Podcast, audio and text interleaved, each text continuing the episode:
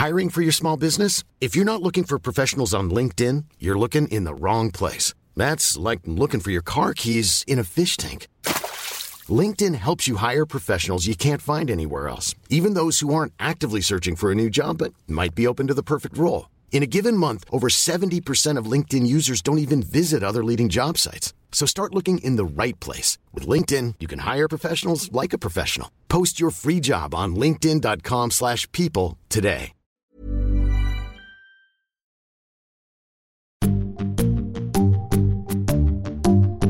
Välkomna till ett nytt avsnitt av podcasten Cyril och Stig. Jo, tack med samtiden. Dagens gäster är vi själva i ett avsnitt om Ukraina. Podcasten produceras av Storyhood. Innan vi börjar vill jag påminna om att det inte är gratis att göra podd. Swisha gärna ert bidrag till 123 535 4857. Och vill man att det ska specifikt gå fram till det vi pratar om ikväll några familjer i Ukraina så märker man eh, swishen med Ukraina. Jag vill också påminna om att vi har en ny skrivarkurs, eh, workshop i kreativt skrivande, sista veckan i maj.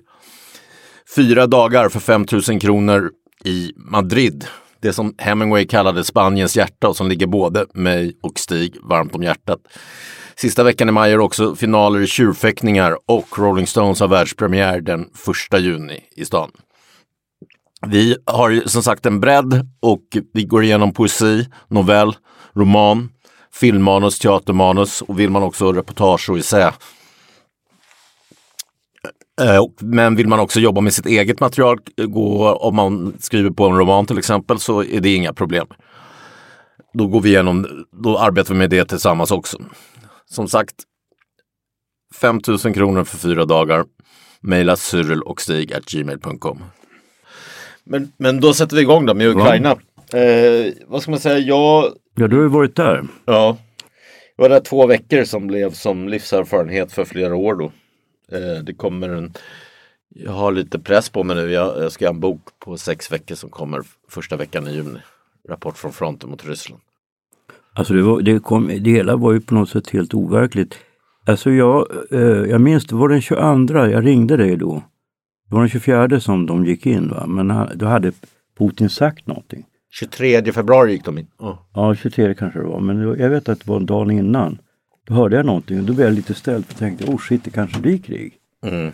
För att det är liksom inte, alltså tidigare så, så trodde jag, okej de hade en militärmanöver där i närheten men jag tänkte de kan för fan inte gå in med trupp i, ett annat land. Va? Och så gjorde de det så att det, det hela var ju lite grann, måste man säga, som en chock. Och jag tycker väl att, att media också befinner sig i ett slags chocktillstånd just nu. Ja, det kan man väl säga alltså, alltså, att, att eh, jag förstod ganska, det var runt där den 21 tror jag när, när Putin skickade ut hur han förnedrade sina ministrar. så Ja, det här, var och, strax innan. ja, och där, där, man såg att det har blivit också så här som Hitler, Stalin och Saddam Hussein att folk bara, hans egna ministrar inte vågar säga något. Eh, där förstod jag verkligen, men det hade jag anat hela tiden. Uh, ändå sedan två, tre månader tillbaka med, med med truppförflyttningarna mot Ukraina. För mig Ja. blev det ju personligt också eftersom jag dels tillbringade barndomarna i Ukraina på Krim på, på somrarna i Sovjet med min mamma som är russofil. Men det var i Sovjetunionen då. Men Mm. avskydde Sovjet så att hon hjälpte folk att komma ut och sådär. Eh, men sen också då för att bara några dagar innan vi åker för att jag är 14 på så DNA-tester, de är så specifika de där man skickar in på nätet så du får reda på dina egna släktingar. Jag fick namnet på 14, jag är tydligen ukrainsk. Ja, ja, ja. Ukrainsk jude. Så jag, så jag, fjort, jag fick namnet på 14 stycken, då blir det också genast mer personligt. Eh, när du drar in, men vad ska jag säga, vad ska jag säga, Jag- vi, vi åkte, jag och du känner ju Geijer. Agnell, det är din Gay kompis. Angel Öjgarden. han. Ojgarden, ja. Knausgårds sidekick i Min kampserien. Som också skrev en väldigt bra bok som jag recenserade som heter Bagdad Indigo. Han, han åkte ut till, till Bagdad då eh, som sån här levande sköld. Ja, Och de låg, alltså, de låg alltså på matsilos och sånt där. Va? Mm. Eh, och eh, eh, blev ju också bombade. Va? Mm. De var ju där för att eh, se till att de inte förstörde vatten, eh, vattenreservoarer och sånt där. Va? Och han var ju med där i kriget, sen gick, gick han med eh, amerikanerna på slutet. Han bytte sida va? för han var intresserad av att studera hur agerar folk i stressade situationer. Mm. Och, Han kan eh, väl säga att han stressade upp mig under den här resan. Ja, jo, men han är, nej men han, man måste säga killen är väldigt modig. Ja, det är han. Eh, ja, vi var totala, vi, vi åkte ihop då eftersom, eftersom du parade ihop oss. Han skulle ändå dra dit och, och vi var ju varandras totala motsatser. Det insåg vi redan innan. Han dricker en bira på en kväll, jag kan dricka tio. Han är lång, jag är varken lång eller smal. Uh, han är Knausgårds sidekick, jag är din sidekick. Han är norrman, jag är svensk. Han lever på Österlen, jag lever, jag har levt hela mitt liv i storstäder. Han har levt i ett förhållande i 30 år, jag har väl bytt förhållande lite oftare. Ja. Men, men, men vi kom på att vi, och han är pedant framförallt och jag är slarvig, mer laissez-faire. Men vi kom på att eh, det, det, vi ska ta fördel av varandras olikheter, vilket vi gjorde. Mm. Så vi kom en, det blev ändå väldigt trevlig och bra resa. Ja. Förutom då att vi hamnade i eldstrid med ryssar och allt det där. Det, det kom, kan man mer läsa i min bok men jag vet inte. Eh, och, och Du sådana bara detaljer. berätta, du kan ju bara berätta hur ni reste. Så att folk fattar. Ja precis, för att det är mer intressant och jag vill inte berätta för mycket om vad som kommer i boken heller. Utan hur vi reste var då att vi, han, vi möttes upp i Krakow. Eh, jag kom från Stockholm på morgonen, han från Malmö. Det gick till och med plan från Malmö. Eh, där du hade premiär på en punkfilm 1977. Vad var det? 78. 78. Ja, den visades då, eh, det var första gången den visades utanför Sverige. Första gången man visade punk. Något om punkrock i öststaterna. Och de tyckte så här wow Ja, ballt. vad? jag blev rätt populär bland den här, alltså de här överklassen där som var parti, partitopparnas barn. Va? Jag var på massa fester där i, i Krakow, det var väldigt trevligt. Så åkte jag tillbaka på vintern, så jag var där två gånger 78. Eh, och Krakow är en fantastisk stad. Jag har ju varit där senare också. Ja, jag som- kände direkt. Jag vet och är en grejer också. stad. Här, hit ska man åka med sina barn i sommar. Ja, jag var ju där därför att eh, min förra fru, hennes, eh, hennes eh, morfar dog. Han var 99 år och 9 månader. Och han begravdes utanför Krakow. De kommer där nerifrån. Ja.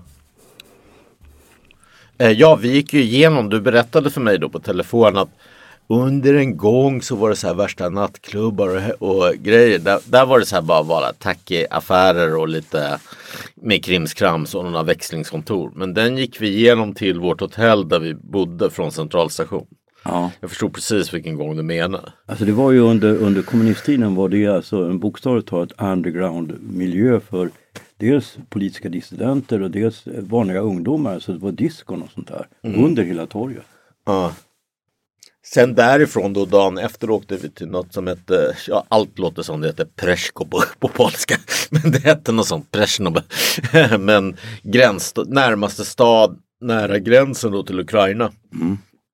Därifrån tog vi en taxi till till eh, gränsen till Ukraina då. Och då var det ju få som ville in. Men det var en ström med flyktingar som ville ut. Eh, positivt är att se hur väst tar hand om de här flyktingarna. Överallt folk som tar hand om dem ändå och skickar i bussar och, och, och eh, ger dem vatten, ger dem mat och volontärer överallt. Framförallt från England som inte ens är med i EU. Så det är inte Okej. bara EU. Eh, eh, vi gick in då men då, det var ju också Geijer. Geijer är ju mer på något sätt, han är, han är ju författare, han är inte journalist i, journa- i journalistens uppdrag, det är mer likt en snut och militärs på det sättet att man kalkylerar, man, man, man tänker risker, man, man, man eh, sådana saker. Det är därför också har idag poliserna, civilanställer duktiga journalister från Uppdrag granskning och sådär som utredare när de har brist. Eh, Medan Geijer har ju inte det där tänket. Han bara, ja, jag vill bara köra, jag vill bara köra. Liksom. Jag, jag vill ju egentligen in via Slovakien, köra till en stad där, där jag vet att det finns hotell. Jag hade hört från DNs Niklas Orenius som jag känner att det finns inga hotell i Lviv. Lviv är en stad som Göteborg. med 800 000 invånare, men det är 3 miljoner där nu. Ni kommer inte ens få hotell. Så jag såg ju liksom framför mig, då visste jag inte ens att det är utegångsförbud i Ukraina efter åtta. Hur ska jag få hotell i Ukraina klockan eh, 10-11 på kvällen? Tänkte jag, eller Lviv 10-11. Allt det där hade vi inte tänkt på. Men å andra sidan som Geijer där på den sidan, trots att han är kontrollfreak då, här har han ju motsatt kontrollfreak. Eh, på det sättet så allt löser sig alltid. Så det som händer är att vi kommer ut där ur gränsen, vi är inne i Ukraina klockan sju på kvällen. Eh, solen skymmer, det finns inga bussar, inga bilar eller någonting. Någon snäll person, men var så här typ man kände så här, är han galen eller han idiot? Eller vad, vad är han? han? han? tar oss i alla fall in i sin bil till Lviv som är åtta. Och Lviv är då en gammal kulturstad. Mm. Tillhör det Preussen eller? Du kan ju historia. Nej, det tillhörde Polen, alltså Lemberg. Polen. Ja, det, det, är mer, det är mer västerländskt än, än ja. öststats. Alltså det, det har ju tillhört, för länge sedan tillhörde väl Österrike tror jag. Det var en del av Galicien. Ja, ja, precis. Det känns ungefär som en österrikestad. Mm. Uh, väldigt vacker och sådär men det såg vi ju inte då för då kom vi in, uh, det, det, är inte ens en taxichaufför som släpper in oss, han vill tjäna lite extra pengar. Till slut hittar vi en. Då har jag varit orolig att vi ska stå där och liksom förtvina mitt i natten. För det är kallt här också. Mm. Ukrainska nätter var svinkalla. Dagarna kunde vara varma men det var svinkallt, lika kallt som i Sverige liksom, vid den här tiden. Uh, vi hamnar i någon förort. Uh, han hittar inget hotell för det finns inget hotell. Och sen hamnar någon förort, hans kompisar försöker ringa och då blir jag ju rädd. Så här, krig, det är känt att krig tar fram den bästa och sämsta sidor ur folk. Mm. Jag bara, och jag tänker för mig själv att Ja, folk här är desperata, de är fattiga. Vi kan bli rånade när som helst. Vi, vi, vi sitter fast i någon jävla förort med konstiga människor som mm. uh, ska försöka hjälpa oss på något sätt. Men uh, de tog, fick tag på en riktig taxi som fixade ett hotell åt oss. En riktig taxichaufför som då var rysktalande och han gjorde ju klart det för mig som jag nu, att jag berättar det här så detaljerat nu redan den här första kvällen att han gjorde klart med för mig det jag såg. Han var rysktalande, han var ryss. Han sa eh, vi har aldrig blivit behandlade illa vi ryssar i Ukraina. Jag, jag, jag avskyr ryssar. Jag, jag känner mig lika sviken av det Ryssland har gjort mot oss nu som alla andra. Vi ska strida till sista man och det var något jag märkte genomgående resan att, ja. att, att, alla, det är ännu mer än när jag var i Syrien med YPG och kurderna mot, mot IS. Att alla, alla män jag mötte är, oavsett om de var rysk, rysktalande ursprungligen eller ukrainare, de är också jävligt stötta. Men, mm. men, men de, de framförallt vill de slå tillbaka. Ja, det kom ju som, säkert som en chock för alla där, det som har hänt. va? Ja. Alltså jag tror ju, alltså jag kände ju tidigare. Jag måste säga att ibland har jag haft fel och jag måste säga att jag har ändrat mig när det gäller hur jag ser på Ukraina. För nu så tycker jag att det som har hänt är fruktansvärt och jag tycker att Putin beter sig som en dåre. Och jag har svårt också att fatta vad fan de gör det där för. För de kan väl ändå inte tro att de kan hålla Ukraina med hjälp av vapenmakt. Alltså det verkar så ologiskt på något sätt. Då. Eh, och skrämmande. Men alltså jag tyckte ju då att det här med att, att eh, det var ju ett uppenbart fel att tränga in Ryssland på det sättet med att man har massa länder som går med i NATO. Och eh, alltså Jag fattar inte varför får inte Ryssland gå med i NATO då? Alltså jag menar, man, man skapar den här, den här inträngningsbilden som ju ryssarna har reagerat emot, alltså uttalat hela tiden. Men jag trodde inte det skulle gå så långt som till krig. va men jag tycker samtidigt att, att hela den politiken, alltså man tittar tillbaka på första världskriget, så tror jag att de flesta nu, eh, i alla fall under 2000-talet, skulle säga att det var dumt att man hade så hårda villkor mot tyskarna efter första världskriget. Och det var det som ledde till nazismen. Man skulle haft en Marshallhjälp mot Ryssland på 90-talet. Ja, och på det här sättet så, jag menar, som det är nu alltså, hoppas jag att, man, att, man, att det blir fred och att man på något sätt lyckas hela det hela, även om det är svårt att se hur det skulle göras. Men eh, det här med att man, den här krigshetsen som finns nu i Sverige bland människor som inte vet, alldeles uppenbart inte vet vad krig är, är väldigt obehagligt tycker jag. Mm. Eh, Det här när Putin sa att han ville, han sa ju till och med att han, ja, vi vill gå med i NATO men det sa han med sitt leende på läpparna, sitt, eh, sitt falska smilande, typ 2004-2005 tror jag. Nej, jag, jag tror, jag tror aldrig det var allmänt menat utan han har ju Nej, men det här är, han har den synen ryssarna haft sedan bysantiken och, och, och på ett storimperium. Och sen den här drömmen om, eh, som ännu mer Sovjet än tsarryssland hade om, om land till hela, till alla hav. Från, från, från eh, det är därför alltid Sverige, helst, allra helst Norge med Atlanten vore intressant frå- till Vladivostok. Och den här Alexander Dugin som är hans den här neofascist, postmodernistiska neofascismen som är hans husfilosof. Han har ju talat om ett rike från Vladivostok till eh, eh, Dublin och Lissabon till och med. Liksom. Och där, där, som ska vara dominerat. Och, och de har på sätt och vis lyckats. För det, det är vad Alexander Dugin skrev. Han vill att Rys Tyskland, han menar att Europa ska vara uppdelat mellan Tyskland och Ryssland. Men Tyskland ska vara underordnade Ryssland på grund av gasen då, sitt ekonomiska behov. Ja, ja. Men han ska söndra England genom deras inbördes grejer och söndra USA. Så att, så att på sätt, men på sätt och vis fick de ju rätt. Liksom. Eh, Ja, på, på, på sådana små grejer har hänt. England har, England har lämnat EU. USA har haft sina interna konflikter och, och liksom eh, i och med Trump då som hyllat Putin. Han fick ju som han ville där. Han måste ju jublat, liksom, slagit kullerbyttor i sina judo-grejer när Trump kom. Som ett val han riggar med för att ge Hillary Clinton en näsbränna som han inte trodde alltså han jag skulle måste ju vinna. säga det att vi har olika åsikter om Trump och det här med Biden och Clinton. Ja. Jag har ju väldigt svårt att ställa mig på Wall Streets sida. Jag tycker, alltså jag lever i ett kapitalistiskt samhälle och jag är ju inte kommunist längre. Men jag tycker samtidigt att det finns någonting i den internationella kapitalets sätt att agera som jag tycker helt enkelt är mänskligt sett motbjudande. Nej, där förstår jag, men där borde man ju då lägga på skatter och sånt. Putins samhälle själv har ju varit det var ju vår Reinfeldt så att, vi, att, att du hade Chiles ekonomi med, med en, stats, en, en nyliberalism med, med en stark statsmakt.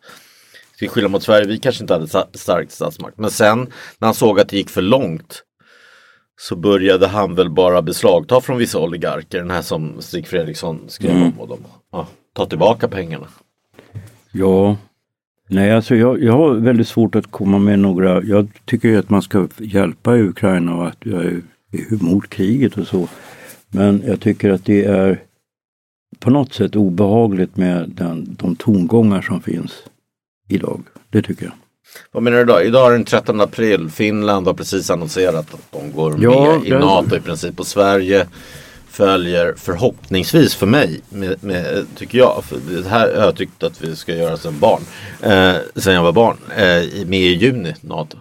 Ja, alltså jag kanske, ändrar mig, då. jag kanske ändrar mig när det gäller det där. För att jag tycker att om Finland går med i NATO så jag är inte tillräckligt kunnig för att egentligen ha något, något, någon tung åsikt om det här. Men då kanske jag också tycker det. Men jag är osäker. Jag tycker att det, det känns otrevligt. Men okej, det kanske är nödvändigt. Nu vet jag inte hur mycket Carl Bildt pratar ur sin konservativa politik. Men, men jag läste en intervju med honom från DN idag. För det här var mer en, ja, Ready to pop the question? The jewelers at BlueNile.com have got sparkle down to a science with beautiful lab grown diamonds worthy of your most brilliant moments. Their lab grown diamonds are independently graded and guaranteed identical to natural diamonds, and they're ready to ship to your door. Go to BlueNile.com and use promo code LISTEN to get $50 off your purchase of $500 or more. That's code LISTEN at BlueNile.com for $50 off. BlueNile.com code LISTEN. Millions of people have lost weight with personalized plans from Noom, like Evan, who can't stand salads and still lost 50 pounds. Salads, generally, for most people, are the easy button, right? For me, that wasn't an option. I never really was a salad guy. That's just not who I am.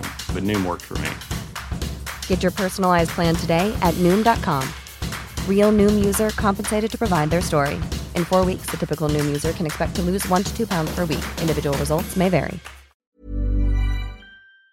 och hade tänkt på riktigt att han menade att, anledningen att Sverige aldrig gick med i NATO från början. Det berodde på att vi gjorde det för att vara schyssta mot, vi ville gå med enligt Bildt att, att vi gjorde det för att vara schyssta mot Finland för att Finland hade kommit i kläm annars. Att eh, ryssarna hade gått in i Finland. Att vi, vi gick inte med NATO för att vara schyssta mot Finland. Och nu när Finland går med finns det inget, det finns ingen anledning att vi inte skulle vara med. Jag har aldrig hört om det där men det kan vara så, jag vet inte. När inte jag vet någonting måste jag säga pass. Vad jag tycker, vad jag tycker själv är väl att, att, att, att säkerhetspolitik handlar inte om höger eller vänster. Jag menar, om du kollar på nu Skandinavien, Danmark och Norge har ju socialdemokratiska regeringar. Eh, de är NATO. Danmark och Norge var också neutrala under andra världskriget. Det gick ju inte så jävla bra att vara neutral då för dem. Nej. Så, Nej men alltså, jag, alltså grejen är den, alltså när det gäller ett ämne som det här, Ukraina och vad ska hända sen? Eh, så är det ju, så tycker jag bara att det är jävligt obehagligt. Alltså man kan ju inte ha någon sorts, som det var nu, snack att man ska inte spela Tchaikovsky. Ja, vadå, ska man inte läsa Dostojevskij? Alltså, Nej. det finns ju en, en sorts hysteri eh, Ja. som, kring det där. Nej Och- det går inte. Man måste skilja på kulturrisk kultur i en högkultur. Verkligen. Liksom. Ja, det finns också någonting i det där att eh, Alltså jag, jag kan förstå i Ukraina att de upplever att de vill vara ett eget land. Även om stora delar av Ukraina att de talar ryska. Att tidigare så talade man ryska och inte ukrainska annat än på land. Det var ju mest på landet man talade Ja, jag såg nu att alla pratar ju båda språk. Men du har ju bara det enda området. Det stämmer inte ens det här med Donbass och, och de där områdena. Att ryssar är majoritet. Det enda de är i majoritet är i Krim. Och där har, vad man vet, har befolkningen fått blivit Särskilt krimtatarerna mer än ukrainarna har blivit väldigt illa behandlade som ryssarna kom. Ja men alltså alltihop det där är ju ändå propaganda på samma sätt som det är propaganda i Ryssland. Jag tycker när jag, när jag hör propaganda så känner jag instinktivt, nej jag vill, alltså jag utgår mer ifrån vad folk jag känner har sagt och vad de har, när de har rest i Ukraina och vad eh, hennes, eh, som är förra frus släktingar berättade om antisemitismen i Lviv. va? Som ju plötsligt blev väldigt stark efter Sovjets fall. Och det är också aspekter som helt vanliga människor då har berättat för mig och som inte har att göra med propaganda. Och jag, det är ju naturligt att man sätter tilltro till det, mer än vad man läser i tidningen. Jag köper väl inte det här riktigt som vänstern framförallt då Tyvärr gjorde Aftonbladet Kultur och har gjort det under de senaste tio åren.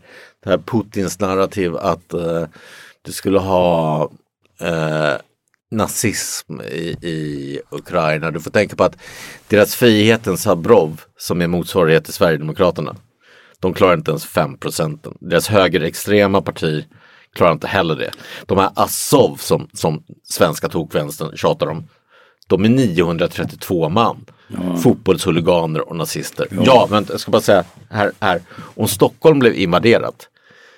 Eh, svenska fräna kulturmän som Kalle Schulman med flera har gjort klart om att Sverige har inga värderingar att kämpa för. De ska dra. Eh, vilka tror du hade s- s- slagit, eh, stått upp för Stockholm? Det hade också varit nationalister och fotbollshuliganer.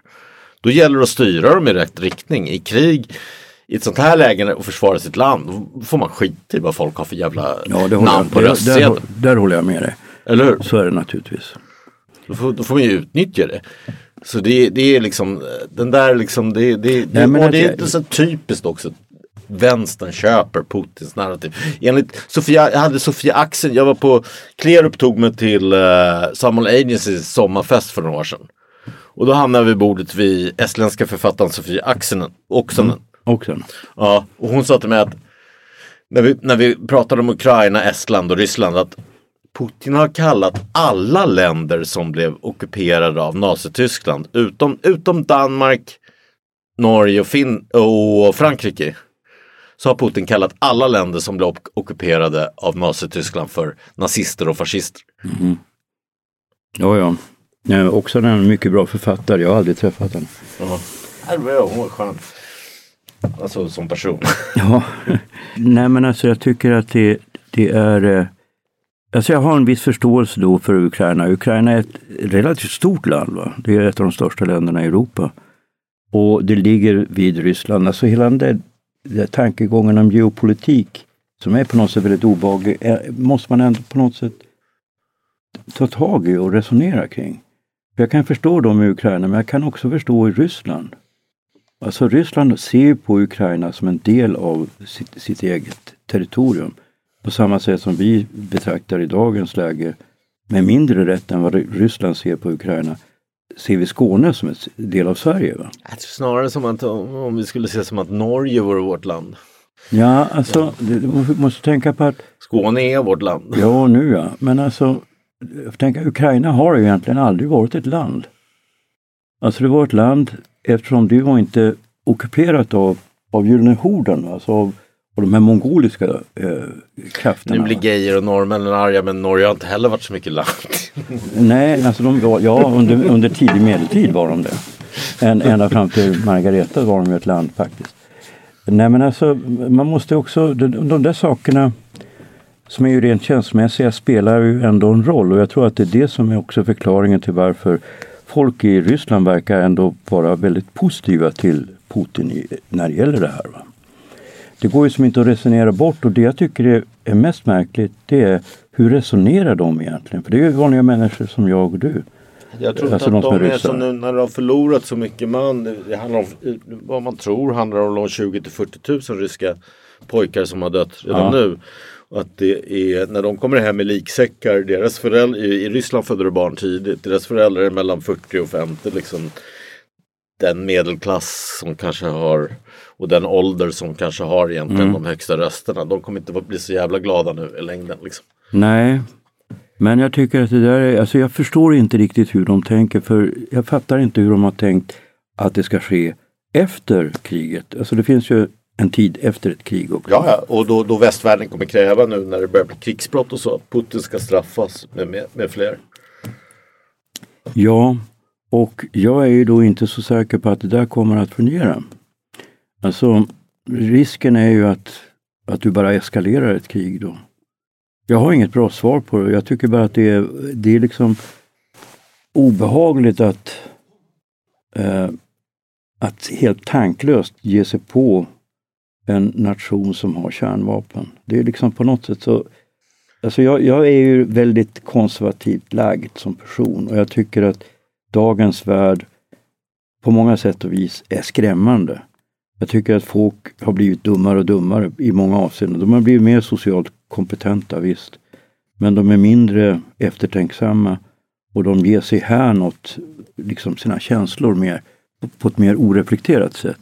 Och det tycker jag är skrämmande för jag vill liksom inte se någon form av Harmageddon. Jag gillar inte det. När jag ser på... barn omkring mig så vill jag ju faktiskt att de ska kunna bli gamla som jag har blivit gammal. Mm. Där kom vi in på resan då. Sen när jag kom till Lviv och vi hittade ett hotell där och det var ju mycket riktigt en så här jättefin gammal kulturstad som Österrike påminner mm. om. Stor opera, jättefinaste huset i stan och så här.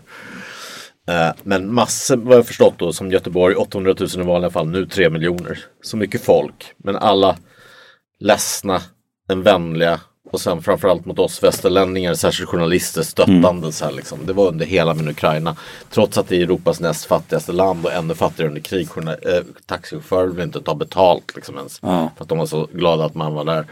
Men där i alla fall så fick vi kontakt med presscenter och sådana som hjälpte mig. Och då, jag hade ju tänkt så här, jag kanske ska vara kvar i Lviv och softa här. Och, och bara ta vitt. Det finns två sorters krigsjournalistik.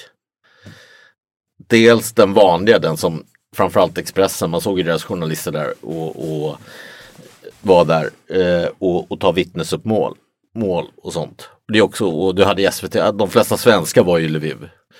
Det är ju lite fegare att vara där då eftersom det är tryggt, det är bara att tagga över gränsen. Eh, och det är en normal stad. Men, och, men den journalistiken behövs verkligen att ta vittnesmål. Medan det var Geijer som övertalade mig att det kanske är den som är den intressantare, den mer kyliga som handlar om hur, hur krig är som att spela schack och strategier och, och grejer då som längtade efter, efter till fronten verkligen. Liksom. Eh, så det blev, det blev ju det. Han övertalade mig att dra till Kiev. Uh, Ukraina var också helt torrlagt på alkohol till exempel. Men i Kiev så, de är ju tvungna för de amerikanska journalisterna från CNN och BBC och sådär.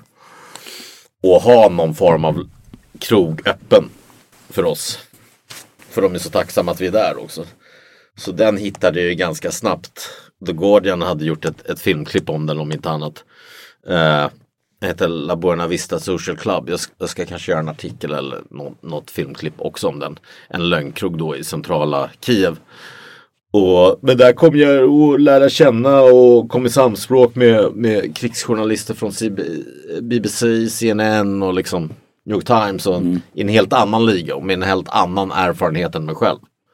Men även de var ju rädda för, det har de aldrig varit innan, att de var inte rädda för Kiev. För både Kiev och Lviv kan väl säga att det var precis som när jag var i Irak. att Livet har sin gilla gång.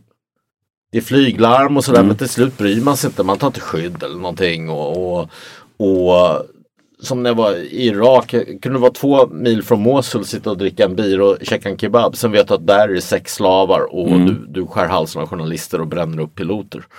Det var lite samma sak här. Du har ett muller och du har flyglar. Men livet har sin gilla gång. Bara att när du kom till Kiev till skillnad från Lviv, då fanns det inga kvinnor. Mm. Det var bara så här typ eh, checkpoints överallt. Och jag är ju van att få göra som jag vill och ta foton. Så ibland kunde det bli lite konflikter att jag gick och plåta. Men till slut gav jag ju upp det. För jag förstår ju dem också. att det är mm. militära installationer. Mm. Uh, och för alla var fortfarande väldigt vänliga och alla var enade mot Ryssland. Jag tror som en stadsstrid kan de aldrig, de kan aldrig inta Kiev. Nej. Men där i alla fall på den här lögnkrogen när man känn, lärde känna folk från, från eh, BBC och CNN och, och, New York Times och The Guardian och sånt som har varit med i liksom 30 krig som hade en helt annan erfarenhet av mig själv.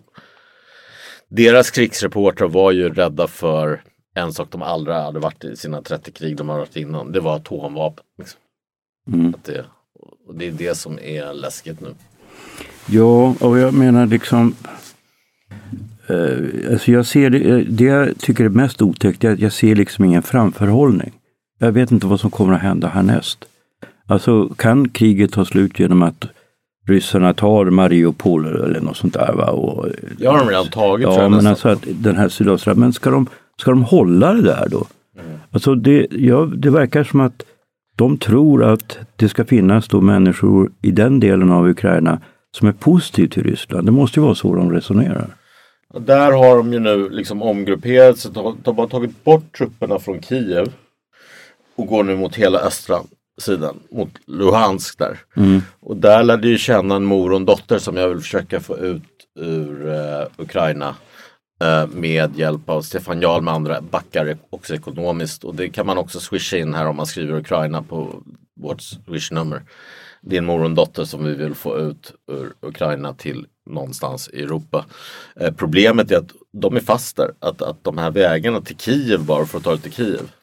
Eh, de humanitära vägarna de blockeras av ryskarna. Så mm. det är massvis med människor som är fast där. Så jag är ju väldigt orolig när man läser tidningarna från andra reportage att ryssarna går in i de går in i byar och så tar de folk i din och min ålder och säger liksom vad är de unga kvinnorna? Vi ska, vi ska liksom sätta en pistol mot munnen för att våldta. Så att de, det är något sjukt här de har i de beter sig inte som gentlemän som liksom, alltså nazistiska soldater var bättre. Det var mm. Gestapo som var illa där men tyska soldater var mer gentlemän.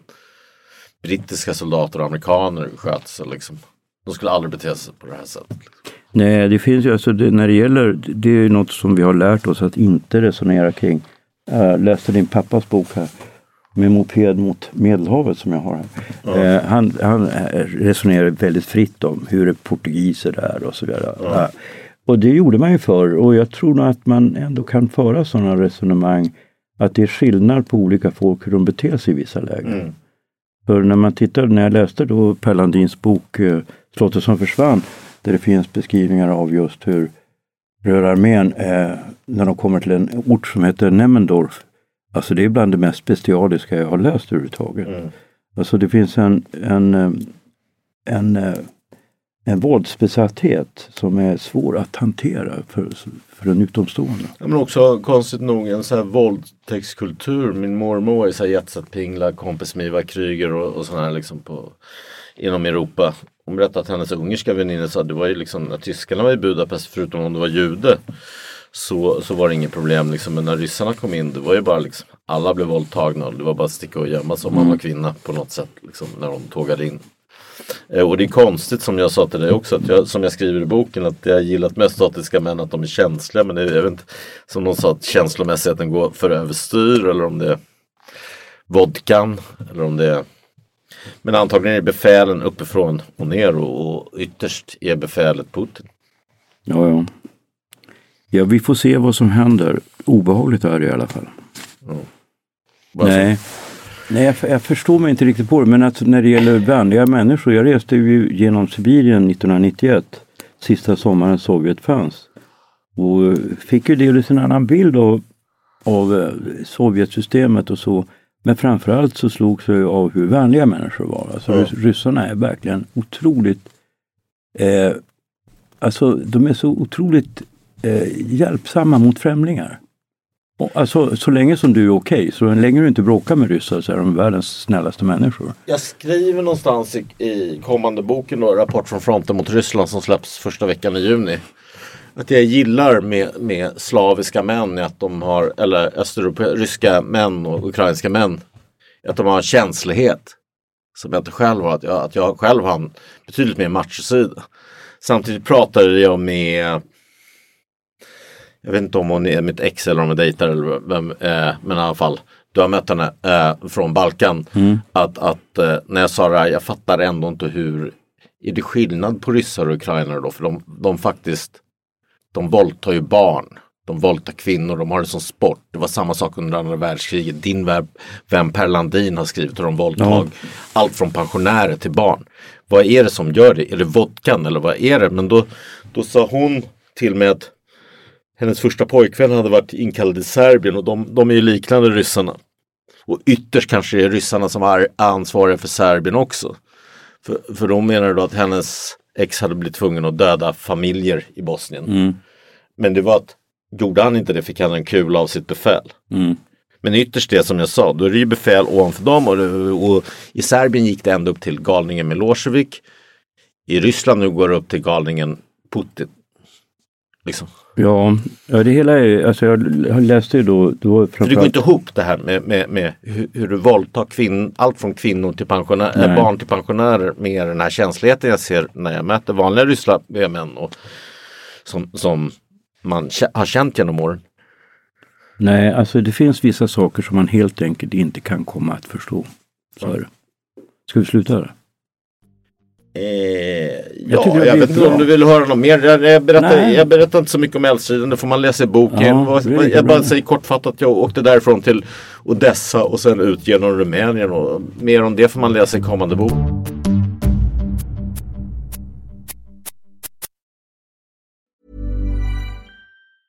Even when we're on a budget we still deserve nice things. Quince is a place to scoop up stunning high-end goods for 50 to 80% less than similar brands. They have buttery soft cashmere sweaters starting at $50, luxurious Italian leather bags, and so much more.